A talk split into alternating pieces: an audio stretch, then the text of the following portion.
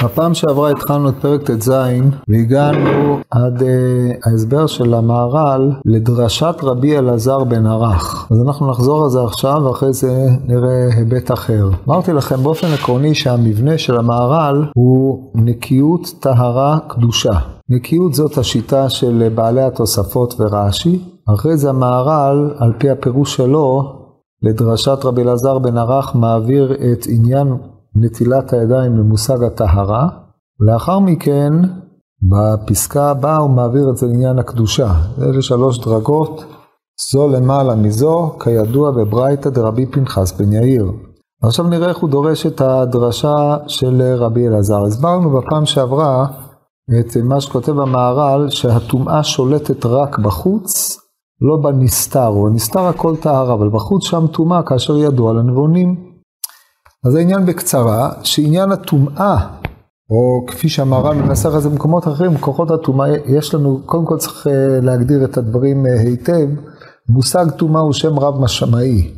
אנחנו יודעים שטומאה חלה על מערכת הטומאה והטהרה שהתורה גזרה, שזה מערכת מחודשת שהתורה חידשה, טומאת מת, טומאת צרת, אה, טומאת משכב ומושב, אבות, תולדות של הטומאה, טומאת אוכלים, כל הדברים הללו ששייכים לדין הטומאה שכאשר אדם נטמע, הם אה, אוסרים עליו לאכול טומאה וקודשים, מעשר טומאה וקודשים, ואוסרים עליו להיכנס למקדש. זה מושג אחד של טומאה. זה מושג מחודש, כמו שהרמב"ם אה, הסביר במורה, שיסוד הדברים הללו זה כדי להרחיק את האדם מן הקדושה, כאשר הוא נמצא בצורה מסואבת, כאשר הוא לא שומר על עצמו, כדי שבאופן שהוא יבוא למקדש, הוא יבוא כאשר הוא טהור ונקי. הדבר הזה יש לו גם רמיזה, כמו שכותב הרמב"ם בסוף הלכות מקוואות, שעניין הטהרה מן הטומאה, רמז, אף על פי שהוא גזירת הכתוב, רמז יש בו שהאדם צריך להיטהר מן הדעות הרעות. נקרא לכם, היה פה רמב"ם פעם. טוב, בסדר, אם אני אלך, אני צריך לקרוא את הטלפון. חלק ב' במשנה תורה.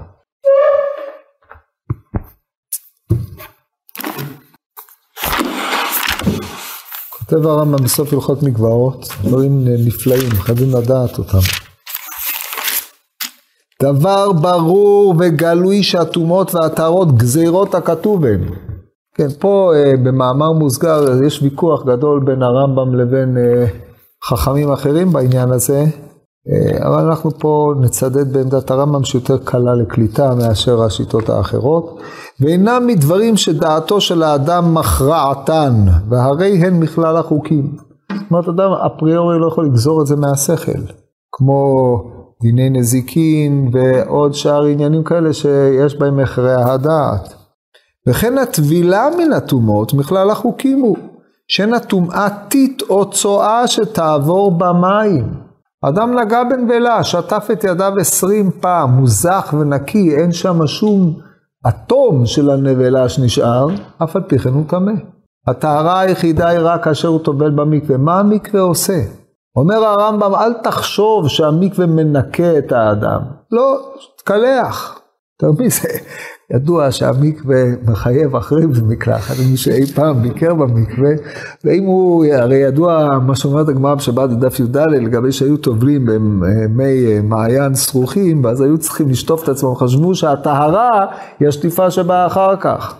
אבל היום שממילא הטבילה במקווה היא לא בשביל לתאר את האדם טהרת דין, אז מן הדין הוא שיתקלח אחרי ה... טבילה בדוק ומנוסה, ובוודאי אם תמיד טובל במקווה כמו מקווה הארי, בערב שבת, שאתה בלי מקלחת אחרי זה אתה לא יכול... קיצור, צריך אדם שיהיה לו גם בעל תשקצו וכו' וכו'. טוב, מכל מקום, אז הרמב"ם אומר, זה לא צואה שתעבור במים, אלא גזירת הכתוב היא, והדבר תלוי בכוונת הלב. זה כבר בנוי על מה שאנחנו קוראים מעלות המעלות שיש בטהרה, כמו שמדובר בפרק שלישי של מסכת חגיגה, שש מעלות לטומאה ואחת עשרה מעלות לקודש. אדם שטבל כדי להיטהר, לאכול מעשר שני, הוא איננו יכול להשתמש בטבילה הזאת כדי לאכול בתרומה, ואם הוא אכל, טבל בתרומה, הוחזק לתרומה, לא הוחזק לקודש, וכן הלאה, זה הדרך, הוחזק לקודש, לא הוחזק בשביל לעשות פרה אדומה, וכל המעלות הללו. לכן יש פה כוונת הלב. הטבילה, כדי לאכול חולין בטהרה, זה שוב, זה תלוי במדרגה שלו, אם אוכל חולין על טהרת התרומה, טהרת הקודש, או אוכל חולין בטהרה בעלמא, המחשבה היא בהתאם. כל זה רמוז פה במה שהוא אמר, אמ, תלוי בכוונת הלב, לפיכך אמרו חכמים טבל ולא הוחזק, כאילו לא טבל. אז עד כאן הדין. עכשיו המחשבה שעומדת מאחורי זה, אף על פי כן רמז יש בדבר. כמו שאומר הרמב"ם על תקיעת שופר, אבל בשתקיעת שופר סגירת הכתוב, רמז יש בו, יש כאלה שאומרים את זה לפני התקיעה כדברים המעוררים, וגם פה יש רמז. כשם שהמכוון ליבו לטהר כיוון שטהר טבל טהור, אף על פי שלא נתחדש בגופו דבר, ככה מכוון ליבו לטהר נפשו מטומאות הנפשות שמחשבות האוון ודעות הרעות, כיוון שהסכים בליבו לפרוש מאותן העצות והבין נפשו במי הדעת, מה זה מי הדעת? התורה, קראת מים, טהור. התורה מתארת, התורה נקראת מקווה. והוא מביא את זה, וכן הרי הוא אומר, וזרקתי עליכם מים טהורים ותרתם מכל טומאותיכם ומכל גילוליכם, אתאר אתכם וכו'. זאת אומרת, אנחנו רואים כן שהרמב"ם יוצר הקבלה בין הדעות הרעות, מחשבות האוון, לבין הטומאה שהחז"ל, שהתורה גזרה עליהם. אבל בלשון התורה עצמה אנחנו מוצאים מונחים שונים של טומאה. טומאה נאמרה על טומאת עריות, טומאה נאמרה על רצח ולא תטמא את הארץ, וטומאה נאמרה על עבודה זרה. זה אחד הביטויים הרווחים של עניין הטומאה. אבל ככלל, כל ההשתקעות של אדם בענייני העולם הזה, העניין הזה הוא טומאה, דהיינו טומאה משמעותו עניין המרוחק, או עניין המרחיק את האדם מעיקר נוס, העניין שלשמו הוא בא לעולם, שזה לעבוד את בורו, אדם ישראל אנחנו מדברים, זה עיקר מתכליתו של האדם כל הנברא בשמי ולכבודי, בראתי וצרתי ובסידי, וזה לכבודו של הקדוש ברוך הוא. והאדם, כל עניינו, הכבוד שיש באדם הוא כדי לתת כבוד לאלוקיו. אשר על כן, העיסוק בכל מה שנמצא מבחוץ, בחיצוניות, בדברים הנראים, לא בנסתר, הנסתר זה הכוח המחיה, העולם הזה נקרא עולם, מפני שהוא עלום, דהיינו הנוכחות האלוקית עלומה בו, כמו שכתוב לאילום, מה שקראתי לכם אתמול, בספר דברי הימים ב' פרק ל"ג. אמ, שמו של הקדוש ברוך הוא נעלם בעולם, לכן היא גם נקרא טבע, טבע מלשון טבוע, דהיינו לא גלוי. ותפקידו של ה... שמה נמצא, זה הבחינה הנסתרת, שמה הנוכחות האלוקית היא המחיה ופועלת. אדם שמתמכר לצדדים החיצוניים, הוא בעצם מטמא, דהיינו מתרחק מהנקודה הפנימית שהיא נקודת העיקר שלו. ולכן חז"ל אמרו שכיוון, לפי מה שאנחנו רואים פה ברמב"ם, בוודאי לפי קו המחשבה של המהר"ל, כיוון שכל מערכת הטומאה והטהרה מלבד המגמה, הפני, המגמה ההלכתית שלה הברורה זה להרחיק אותו מן הקודש ומן המקדש, שלא יבוא שם בכל עת איך שהוא רוצה, בבחינת עוקר רגלך מבית רעך. יש עוד בחינה והיא הבחינה של המודעות של האדם לצד הפנימי לעומת הצד החיצון, לצד האמיתי שבו, שהוא הצד הנסתר, לעומת הצד החיצון, שהוא הצד הגלוי שהאדם מתמכר בו והולך על פי, אה, הצד הזה הוא הצד הקוסם של האדם, ומושך אותו ומרחיק אותו, זה המטמא, טומאה זה הרחקה, הוא מרחיק אותו מאותה נקודה פנימית. לכן אמרו חז"ל שעל זה חלה טומאה, אנשים בזמן בית שני, וגם אחרי בית שני, כל, אה, כשנהגה עוד אה, טומאה וטהרה, היו נוהגים טומאה, היו נוהגים בענייני טהרה, כמו שכותב הרמב"ם בסוף הלכות טומאת אוכלים, אומר בסוף גם כן את דברי מוסר והתעוררות, אומר ככה, אבל פי שמותר לאכול אוכלים טמאים ולשתות משקים טמאים. חסידים הראשונים היו אוכלים חולין בטהרה ונזהרים מן הטומאות כולם כל ימיהם. והם הנקראים פרושים, ודבר זה קדושה יתרה בדרך חסידות, שיהיה נבדל אדם ופורש משאר העם, לא ייגע בהם ולא יאכל וישתה עמהם, שהפרישות מביאה לידי טהרת הגוף ממעשים רעים. טהרת הגוף מביאה לידי קדושת הנפש מן הדעות הרעות, קדושת הנפש גורמת להידמות בשכינה שנאמר והתקדישתם והייתם קדושים. אנחנו נראה שזה בדיוק הזיקה לנטילת ידיים, והתקדישתם, אומרת הגמרא בברכות בנ"ג, והתקדישתם אלו מים ראשונים והייתם קדושים, אלו מים קדושים, אני השם, זה ברכת המזון. זו דרשת גמרא מפורשת, אז אתם רואים שהדברים הללו כולם מסתובבים סביב אותו ציר, ציר הטהרה או היבדלות מן הטומאה שהיא הכשרה לקדושה. אז עכשיו לאור הדברים האלה נחזור לדברי המהר"ל, והתקה שאני נמצא אה, באיזשהו מקום בשליש התחתון של הטור הימני בעמוד קכ"ו. נחזור רגע על הדרשה של רבי אלעזר, כתוב רבי אלעזר בן ערך, כתוב ידיו לא שטף במים, לגבי זב. שואלת הגמורה, ואם שטף ידיו במים אז מה? הרי לא בזה הוא יטהר, הוא צריך טבילה. אלא מדייקת הגמרא, ידיו לא שטף במים, מה ידו מעברי, אף כל מעברי. זאת אומרת, טומאה חלה רק על הדבר החיצוני, לא דבר הפנימי. אף על פי כן, בא רבי אלעזר ואמר, מזה שתורה אמרה ידיו לא שטף במים, האחר שלא שטף ידיו במים, טמא. משם שמח רבי אלעזר בן ערך נטילת ידיים. מסביר המהר"ל, ואתה קשיא למה נקט ידיים דווקא? אלא מפני כי הידיים הם עוד חיצוניות יותר מכל הגוף. לפי שהידיים מתפשטים לחוץ ביותר מכל האיברים, ולכן הצריכה, כתוב לידיים ורגליים, טהרה במקדש, הידיים מכל, מכוח ההתפשטות שלהם לחוץ ושולטת בהם הטומאה. וזה שאמר מפני שהידיים עסקניות הם כלומר מפני כי התפשטות הידיים בכל מקום בחוץ, לפיכך יש עליהם משפט הטומאה. זה הסברנו בפעם שעברה בקצרה. התפיסה של המהר"ל היא כזאת, כמו, כמו שרואים את זה במי שאומר פתח אליהו, הגוף זה עצמו של אדם.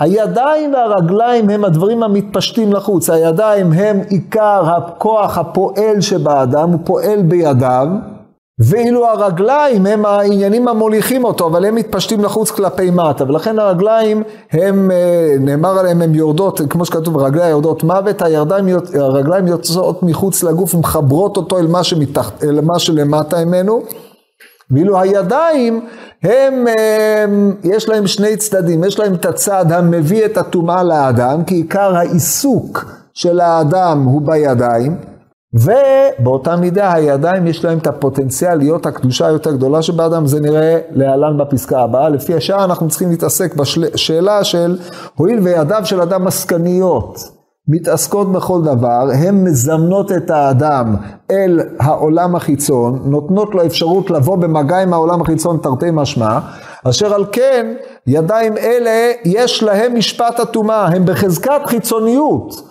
ודבר שהוא בחזקת חיצוני הוא בחזקת טמא. ולכן הצריך רבי אלעזר בן ערך נטילת ידיים. הנטילה הזאת היא הרמתם של ידיים וסילוקן מן הטומאה או טהרתן. והרגליים צריכים קידוש מפני פחיתות שלהם, וזה לא נתעכב בזה. ולכן אלו בפרט צריכים טהרה. וכאמר רבי אלעזר שאם לא היה דבר זה, כי יש טומאה בידיים, מה שאין נמצא בשאר האיברים, למה כתב ידיו לא שתה במים, אלא שהידיים יותר ויותר יש בהם טומאה, שאף במקום שאין שאר איברים צריכים טהרה, כגון נטילת ידיים, צריכים הידיים טהרה, וזה תם נטילת ידיים. זה אמרו מצווה לשמוע דברי רב אלעזר בן ערך, וכל זה מפני שהידיים נכנסים לטומאה. עכשיו יש פה רעיון יוצא מן הכלל באופן שבו הוא מפרש את דרשת חכמים, זה פשוט נפלא. הרי נקודת המוצא שלו הייתה קושייתו על רש"י בסיעתו. מה שורש דרשת רבי אלעזר בן ערך? הוא הביא את זה קודם לכן, והם אמרו זה אסמכתא, אז אומרים זה אסמכתא, הרי גם רבי אלעזר דורש ידיו, מה ידיו מעברי, אף כל מעברי, מה הוסיף רבי אלעזר בן ערך? אומר המהר"ל רבי אלעזר בן ערך בא ואמר, שימו לב, מהכתוב הזה עולה מפורש. שהתורה מתייחסת לידיים התייחסות חלוקה משאר חלקי הגוף. שאם לא כן, למה התורה ייחדה את הידיים באלו שהוא לא שטף? הזב לא שטף ידיו במים. מה מיוחד בידיים? לא שטף שום דבר, גם את הרגליים הוא לא שטף. אלא ידיו ראויות יותר לשטיפה מכל שאר האיברים. מדוע? מאחר שידיו עסקניות, ידיו מגלמות את המגע עם החיצוני, הרי שידיו בלשונו יש להם משפט הטומאה, או ידיו זוקקות טהרה יותר משאר איברים, בגלל המגע עם החיצוניות. ועל כן, מפה למד רבי אלעזר שהואיל וידיו זוקקות טהרה יותר מאחרים, בהינתן שאדם צריך לעשות את עיסוקי האכילה שלו בטהרה, הדבר שצריך טהרה יותר מן הכל לפני האכילה, בפרט שהוא אוכל בידיו, עד שהגיעו הנימוסים של האירופה שאוכלים בסכין ומזלג, וגם זה ב... אבל על כל פנים בפרט שהידיים הם אמצעי האכילה היותר מובהק שלו, לכן אותם הוא, חייב, הוא חייב לטהר. אז זה עומק הדרשה של רבי אלעזר. עכשיו הדברים הללו הם, הם דברים מאוד יקרים באופן שבו חז"ל, מלמד אותנו המהר"ל, את האופן שבו חז"ל קוראים את, את הפסוקים. זה לא מפורש בתורה שצריך ליטול ידיים. אבל מה שעומד ביסוד נטילת ידיים זה ההבנה שהידיים הללו הן יותר עלולות אל הטומאה, או יש להן משפט הטומאה יותר מהשאר. ודבר שיש לו משפט הטומאה, ראוי לו להיטהר לפני אכילה, וזה מסביר כעת בפסקה הזאת. וכל זה, שורה שלישית בטור שמאל בעמוד קכ"ו, וכל זה מפני שהידיים נכנסים לטומאה. וכאשר אדם בא לאכול, מפני שהאכילה היא קיום גופו וחיות של אדם תלוי בזה. שימו לב לכפל הזה. קיום של גופו וחיות של אדם תלוי בזה. הגוף והחיות הם שני עניינים. הגוף הוא המצע שעליו באה החיות של האדם. החיות של האדם, המהר"ל לא מתכוון רק לחיות הביולוגית, פיזיולוגית של האדם. החיות של האדם זה בבחינת ואתם הדבקים בהשם אלוקיכם חיים כולכם היום. החיות תלויה בקיום הגוף. כמו שאומר הרמב"ם בהלכות דעות, שאדם חולה לא יבין מושכל. אתה צריך לשמור על בריאות הגוף, בוודאי אתה צריך לאכול כדי לקיים את הגוף, כדי שהחיות שבגוף תוכל לפעול את פעולתה. אשר על כן, כיוון שהאכילה היא אמצעי לחיות הגוף, היא צריכה להיעשות בטהרה, מפני שהחיות זה נקודת הקדושה שיש בו באדם. והנקודת הקדושה שיש בו באדם צריכה לרכב או להיות נשואה על עניין טהור, לא על עניין טמא. ולכן אומר המהר"ל, אין ראוי שיהיה בטומאה רק שיהיה אכילתו ופרנסתו בטהרה ובקדושה, כמו שאמרנו. עכשיו הוא לא אמר קדושה, את הקדושה הוא אמר רק בפסקה הראשונה. אבל לאורך כל הביאור של הגמרא במסכת חולין, שהוא הביא פה, הוא לא השתמש במונח קדושה, קדושה תבוא בפסקה הבאה, כמו שאמרתי. לפיכך אמרו שאין צריך נטילה לפירות, כי אין זה פרנסתו של אדם כלל, רק הצריך לאכילתו שהיא פרנסתו. שימו לב לביטוי, האכילה של האדם היא הפרנסה שלו, את מי הוא מפרנס? האדם אוכל, אוכל, הוא מתפרנס כדי לאכול. כמו שאנשים אומרים, אדם חי כדי לאכול, כן? צריך פשוט, אה, צריך להפוך את היוצרות, הוא אוכל כדי לחיות, זה המודל האמיתי. אבל בשביל מה אדם מתפרנס? אומר המהר"ל, הפרנסה שלך, העמדת פרנס, תכף נסביר את הביטוי הזה, הפרנסה שלך היא האכילה. עכשיו מישהו היה חושב במונחים האלה? אתם מבינים את הקושי או שכל העולם כמישור? מה, מה המצב פה? נועם, אתה מבין את הקושי? בשביל זה הייתי צריך לשאול. אדם מפרנס, מה פירוש אדם מפרנס? או מהי, מהי פרנסתו של אדם? פרנסתו של אדם במונח המודרני הוא שונה מדברי חז"ל. אדם חייב לפרנס את אשתו, דהיינו להחיות, להחיות אותו, להחיות אותה ולהזין אותה. זה המשמעות של פרנסה.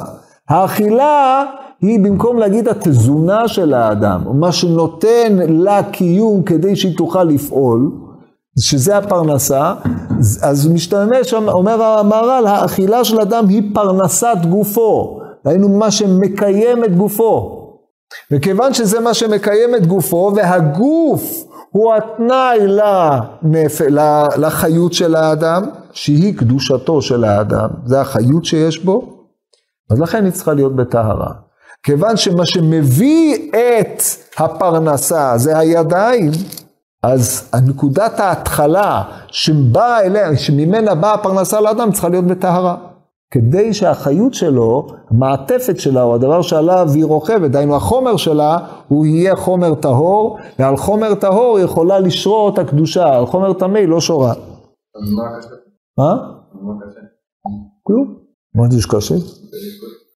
ורב אמר דמצווה לשמוע דברי רב אלעזר בן ערך בא לפרש לכמה מצווה לשמוע דברי חכומים ולמה תקנו נטילת ידיים המעטה כתוב על זה אסמכתא גמורה ברורה מאוד, יוצא מזה נטילת ידיים. עכשיו שימו לב מה ההבדל בין המהר"ל לבין דברי, שאר, לבין דברי הראשונים, בפירוש זה חשוב מאוד לקלוט, באופן שבו הוא מפרש דברי חכמים וחובה, לא חובה, אין חובה בדברים האלה, תעשו מה שאתם רוצים, אבל בגדול מי שרוצה להבין את דרכי החוכמה של דרשת חכמים, יש מספר ספרים שנוגעים בעניין הזה. ספר בר הגולה של המהר"ל, ספר יסוד בהבנת הדברים הללו, כדאי לקרוא אותו, ספר מצוין מאוד, כמובן קשה כמו שאר ספרי המהר"ל, אבל יש, תתאמצו, מה יכול להיות, יש שם ביאורים וכל מיני דברים, אבל ספר מאוד מאוד חשוב. ויש עוד אה, אילו ספרים שעוסקים בזה בשיטות אחרות, נקודת, המות, נקודת הדקדוק של המהר"ל היא כזאת. רש"י וסיעתו והראשונים באו להסביר מה הקשר בין ידיו שלא שטף במים לבין נטילת ידיים. אז אמרו, ידיו לא שטף במים, שטיפת ידיים היא הנטילה. אומר אה, המהר"ל, אבל אתם יודעים שזה לא דאורייתא, זה רבונון, אז בוודאי לא כוונת הכתוב. מה כוונת הכתוב? מה, מה ידו מהברא? איזה אסמכתא? אם זה אסמכתא, אז מה, גם רב אלעזר מודה בפשט. אומר המהר"ל, זה לא, יש לפרש חז"ל אחרת. ידיו לא שטף במים, כמו שאמרנו קודם, רק מעצים את העובדה שיש חילוק בין הידיים לשאר איברים. והידיים עלולות אל הטומאה. הטיפ... התיקון לעלילות אל הטומאה זה תקנת חכמים. אבל התורה עצמה הדגישה שיש חילוק בין הידיים לשאר איברים. וזה היה דרשתו של רבי אלעזר בן ערך. מצווה לשמוע דברי חכמים שתיקנו את נטילת ידיים כתיקון אל הבעיה שהתורה עצמה הציעה. זה האופן שבו המהר"ל לומד את הדברים הללו. לכן זה מצד אחד אסמכתא, מצד אחד זה חידוש שנעוץ על לשון הכתוב בפשוטו. יוצא מן הכלל הביאור הזה. הלאה.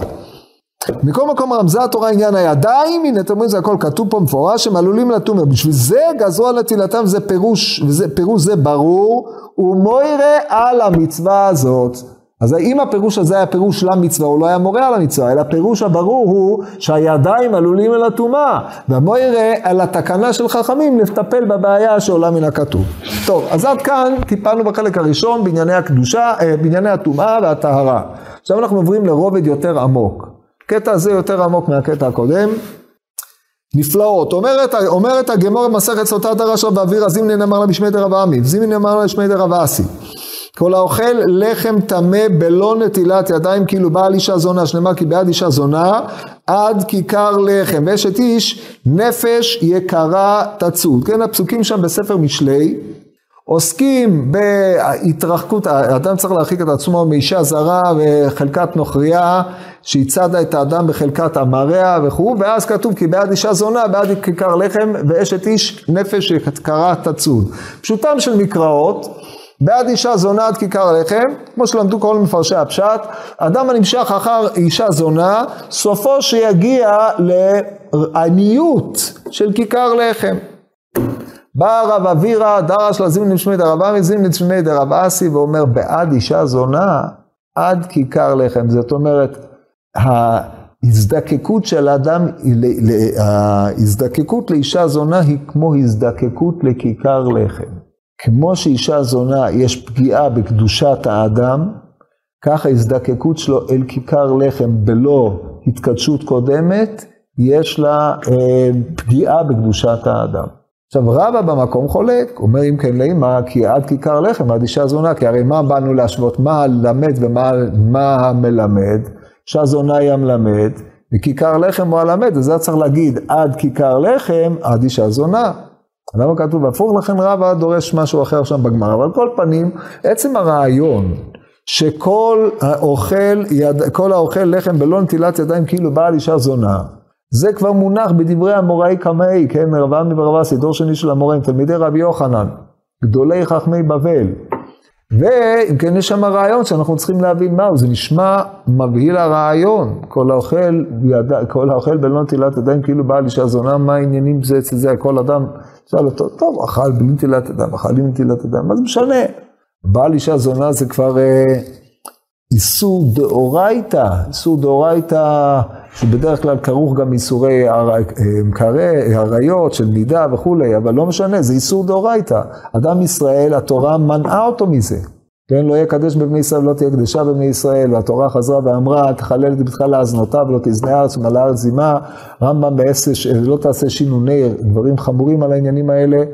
אז אתה משווה את זה לאדם שאוכל בלא נטילת ידיים, מה הפשט בדברי חכמים? אומר המהר"ל, יש פה ביאור כפול, מחוכם מאוד. אומר המהר"ל, ויש לשאול מה עניין זונה את זה, כל מה שאמרתי באריכות, משפט אחד. ויש לך לדעת כי הזונה חסר לה הקדושה. הדבר הזה ידוע, שהרי חסרה קידושין שמקדשים האישה, והזונה עניין זנות גופני בלא קדושה. וכך, כאשר יאכל אכילתו והיא גופנית בלא קדושה, כי המים הראשונים עליהם נאמר והתקדישתם, הנה דבר זה ממש, שימו לב למילה ממש, כאילו בא אל, על אישה זונה. איך? אז קודם כל, עד כאן נראה מה הנקודות שהניח המהר"ל. הביאה אל אישה זונה, אומר המהר"ל, זה פגיעה בקדושה, חסר לה הקדושה. למה? דבר זה ידוע שהרי חסר קידושין. מה זה קידושין? קידושין זה כאשר אדם מייחד את האישה לו. ייחוד האישה זה קדושתה של האישה. עכשיו על מה זה בנוי? זה יושב על תשתית קצת יותר רחבה. אנחנו יודעים שהחומר ממושל בדברי החכמים, חוזר אצל המהר"ל הרבה פעמים, מופיע כבר בקדמונים, אל אישה זונה. אחד היסודות של פרשנות האישה הזונה בספר משלי הוא הדימוי אל החומר. הדבר הזה בנוי על ההנחה הבאה שהחומר מקבל כל צורה.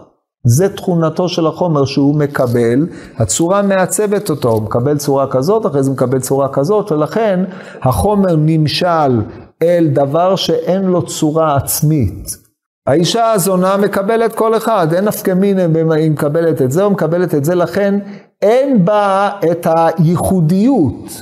עכשיו, הקידושין, מה שמקדש את החומר, את האישה שהיא משולה לחומר, כי ידוע שהאישה היא החומר והאיש הוא הצורה, כמו שכתב הרמב"ם במורה נבוכים בפרק י"ז דומני, ערכי שישה. א', י"ז, נראה לי. ככה אני זוכר, אבל אולי אני טועה, תבדקו, נו מה הבעיה, טיק טק אתם עושים. מורה נבוכים א' י"ז ותשימו את המראה מקום שלך שאני לא יודע על מה אתה מדבר. איזה פרק? אין, אין שם נ"ב פרקים בחלק ב', יש רק מ"ח פרקים. מה? למדנו את זה. טוב, מה אני יכול לעשות? מה אני אעשה? טוב, זה צריך להיות א' י"ז לפי זיכרוני. שם איש ואישה מביא אפלטון, שהמשיל את החומר, משהו כזה. פלוטון משקדם היה קורא החומר הנקבה והצורה דוחה. הנה, זה מפורש. אז מה עם אפלטון? מה? אדם וחווה. מה? אדם וחווה. נו שם הכל. אה. בית למד. כן, בית למד הנודע. גם חווה לא נזכרה. כידוע, אישה לא מופיעה שם. האישה, לא חווה. אין, אה, חווה מופיעה, אגב, בצדדי, כי אצלו הכל זה כוחות באדם. כמו א', ב', ב', ל', כן. טוב, אבל זה, זה מה שרציתי. אפלטון קרא לאישה חומר ולזכר אה, צורה, כן? למה? טוב, זה בגלל אפלטון לשיטתי, הוא ראה את האישה כמקבלת בלבד, תכף תראו שהמהר"ל חולק עליו, וטוב שעשה. מכל מקום, הרעיון בגדול הוא שהחומר הוא הדבר המקבל. זה תכונת הזנות, תכונת הזנות שהיא מקבלת כל אחד. זאת אומרת, אין לך ייחוד, הזנות הוא מורה על הריבוי, בניגוד לייחוד, לכן אמונת, לכן עבודה זרה היא בבחינת זנות. ושתחת כל עץ, כי על כל גבעה גבוהה ותחת כל עץ רעננה צואה זונה, אין מקום עבודה אחד, אין אל אחד, עובדים לכל הכוחות וכן הלאה וכיוצא בדברים האלה, ולא מייחדים את כל, הכוח, את כל העבודה אל השם יתברך. הייחוד שבין איש לאישה, זה, זה נקרא קדושה. כאשר האישה הזאת מתקדשת ומתבדלת מן השאר ומתייחדת אל אחד, כמו שלומדים בריש קידושין. הרי את מקודשת לי, אומר, אומר טסל שם במקום בבית בית, כהקדש, דהיינו שהיא מופרשת מן הכל ומיוחדת לאותו אדם. אשר על כן, הקידושין מפקיעים פה את אותה חומריות המאופיינת באישה הזונה. אז זה מה שהוא מתכוון בפסקה הראשונה, יש לשאול מה עניין זונה לזה ויש לך לדעת, כי הזונה חסר לה הקדושה, קדושה בהקשר של הייחוד, ההבדלה. דבר זה ידוע שהרי חסרה קידושין שמקדשים האישה, והזונה עניין זנות גופני בלא קדושה. עכשיו, יש לזה את הקונוטציה היותר חמורה, שזה הימשכות אחר כוח הגוף, שזאת ההיפעלות במקום להימשך אחר בחינת הייחוד. עכשיו, מים ראשונים, ואז הוא אומר, וכן כאשר יאכל אכילתו והיא גופנית ולא קדושה, כי מים ראשונים עליהם נאמר והתקדישתם, הנה דבר זה ממש כאילו בעל אישה זונה. האכילה של לחם, שהיא תזונת הגוף, שזה לשון להיות ניזון, לשון מזון, הרי השורש זונה ושורש מזון הם לא שורשים רחוקים זה מזה, כמו שאתם יכולים אה, לשמוע באופן ברור. זה שורש ז'-נ'-ה' וזה שורש ז'-ו'-נ', ולפי שיטת... אה, אה, הרש"ר הירש והשיטות שהם הרי מסתובבים עם מה שקרוי ל"ה וע"ו של הפועל, אני מניח שאתם למדתם קצת תורת הלשון, אז כאשר הפה הפועל וה... שניים מתוך השלושה הם קרובים, זה בא מאותה משפחה. והדבר הזה לקח, הרי אנחנו אומרים, אדם זן עיניו מן הערווה, או אדם זן את עיניו בבית המקדש, שלא יזונו, כאשר גמרא בפסחים וכ"ו, כאשר מורידים אותם לתוך בית הקודשים, צריכים להוריד אותם באופן שלא יזונו עיניהם. כן? זה סוג של, כאשר אדם ניזון מאחר, אז הוא מתפעל, זה בעצם פעילותה של הזונה, או, או היא פעלותה של הזונה.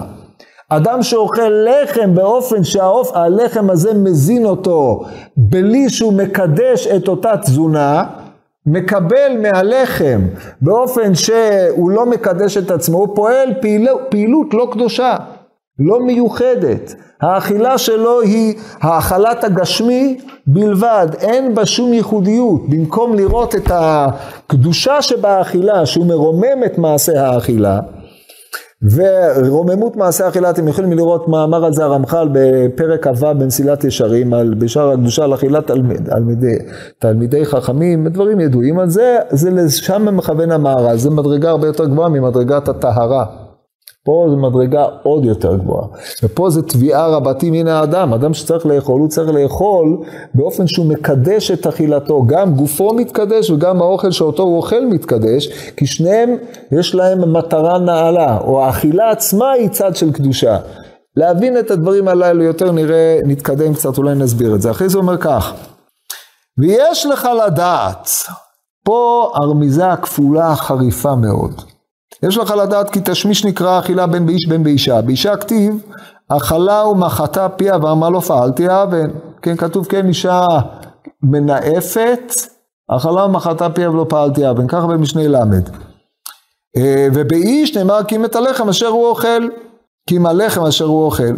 ועוד כתיב שתי מים מבורך, כתוב בפסוק שתי מים מבורך ונוזלים מתוך באריך, כך במשלי, ודורש את הגמורה וכן בדברי חכמים אוכלת עמו, כן, אז דרשו שתי מים מבורך, זה על uh, התשמיש, וכן אוכלת עמו מלילי שבת ללילי שבת, זה בעונתם של תלמידי חכמים, וכמה השם שהוא תשמיש, כי דהיתאתם, כלל הדבר, עכשיו פה הוא אומר כלל בהבנת המוזנח אכילה, כלל הדבר, קבלת דבר ייקרא אכילה. שאדם מקבל דבר שהוא אוכל, שימו לב, עמדת האוכל ועמדת המאכל. האוכל הוא המקבל, והמאכל הוא מה שמזין אותו. עכשיו הרמב"ם המורה באלף למד הוא דן בשיתוף שם אכילה, אכל. מביא שלוש אפשרויות שם, אף אחת מהן לא מופיעה פה. עכשיו לא בדקתי, אבל יכול להיות, ייתכן ויכול להיות וכו' וכו', שהרם גבאי שהמהר"ן השתמש בו הרבה, שהוא גם כן עשה מילון אנטיתטי למילון של הרמב"ם בשער התכלית, יכול להיות ששם מפרש אכל במובן הזה. צריך לבדוק את זה, לא היה לי זמן לבדוק. זה מעניין, זה פשוט הרהור שעלה בדעתי שקראתי את זה. זה חידוש. הרמב"ם מדבר על אכילה במובן של כיליון או צמיחה, או אכילת בעל חיים, האכילה כפשוטה.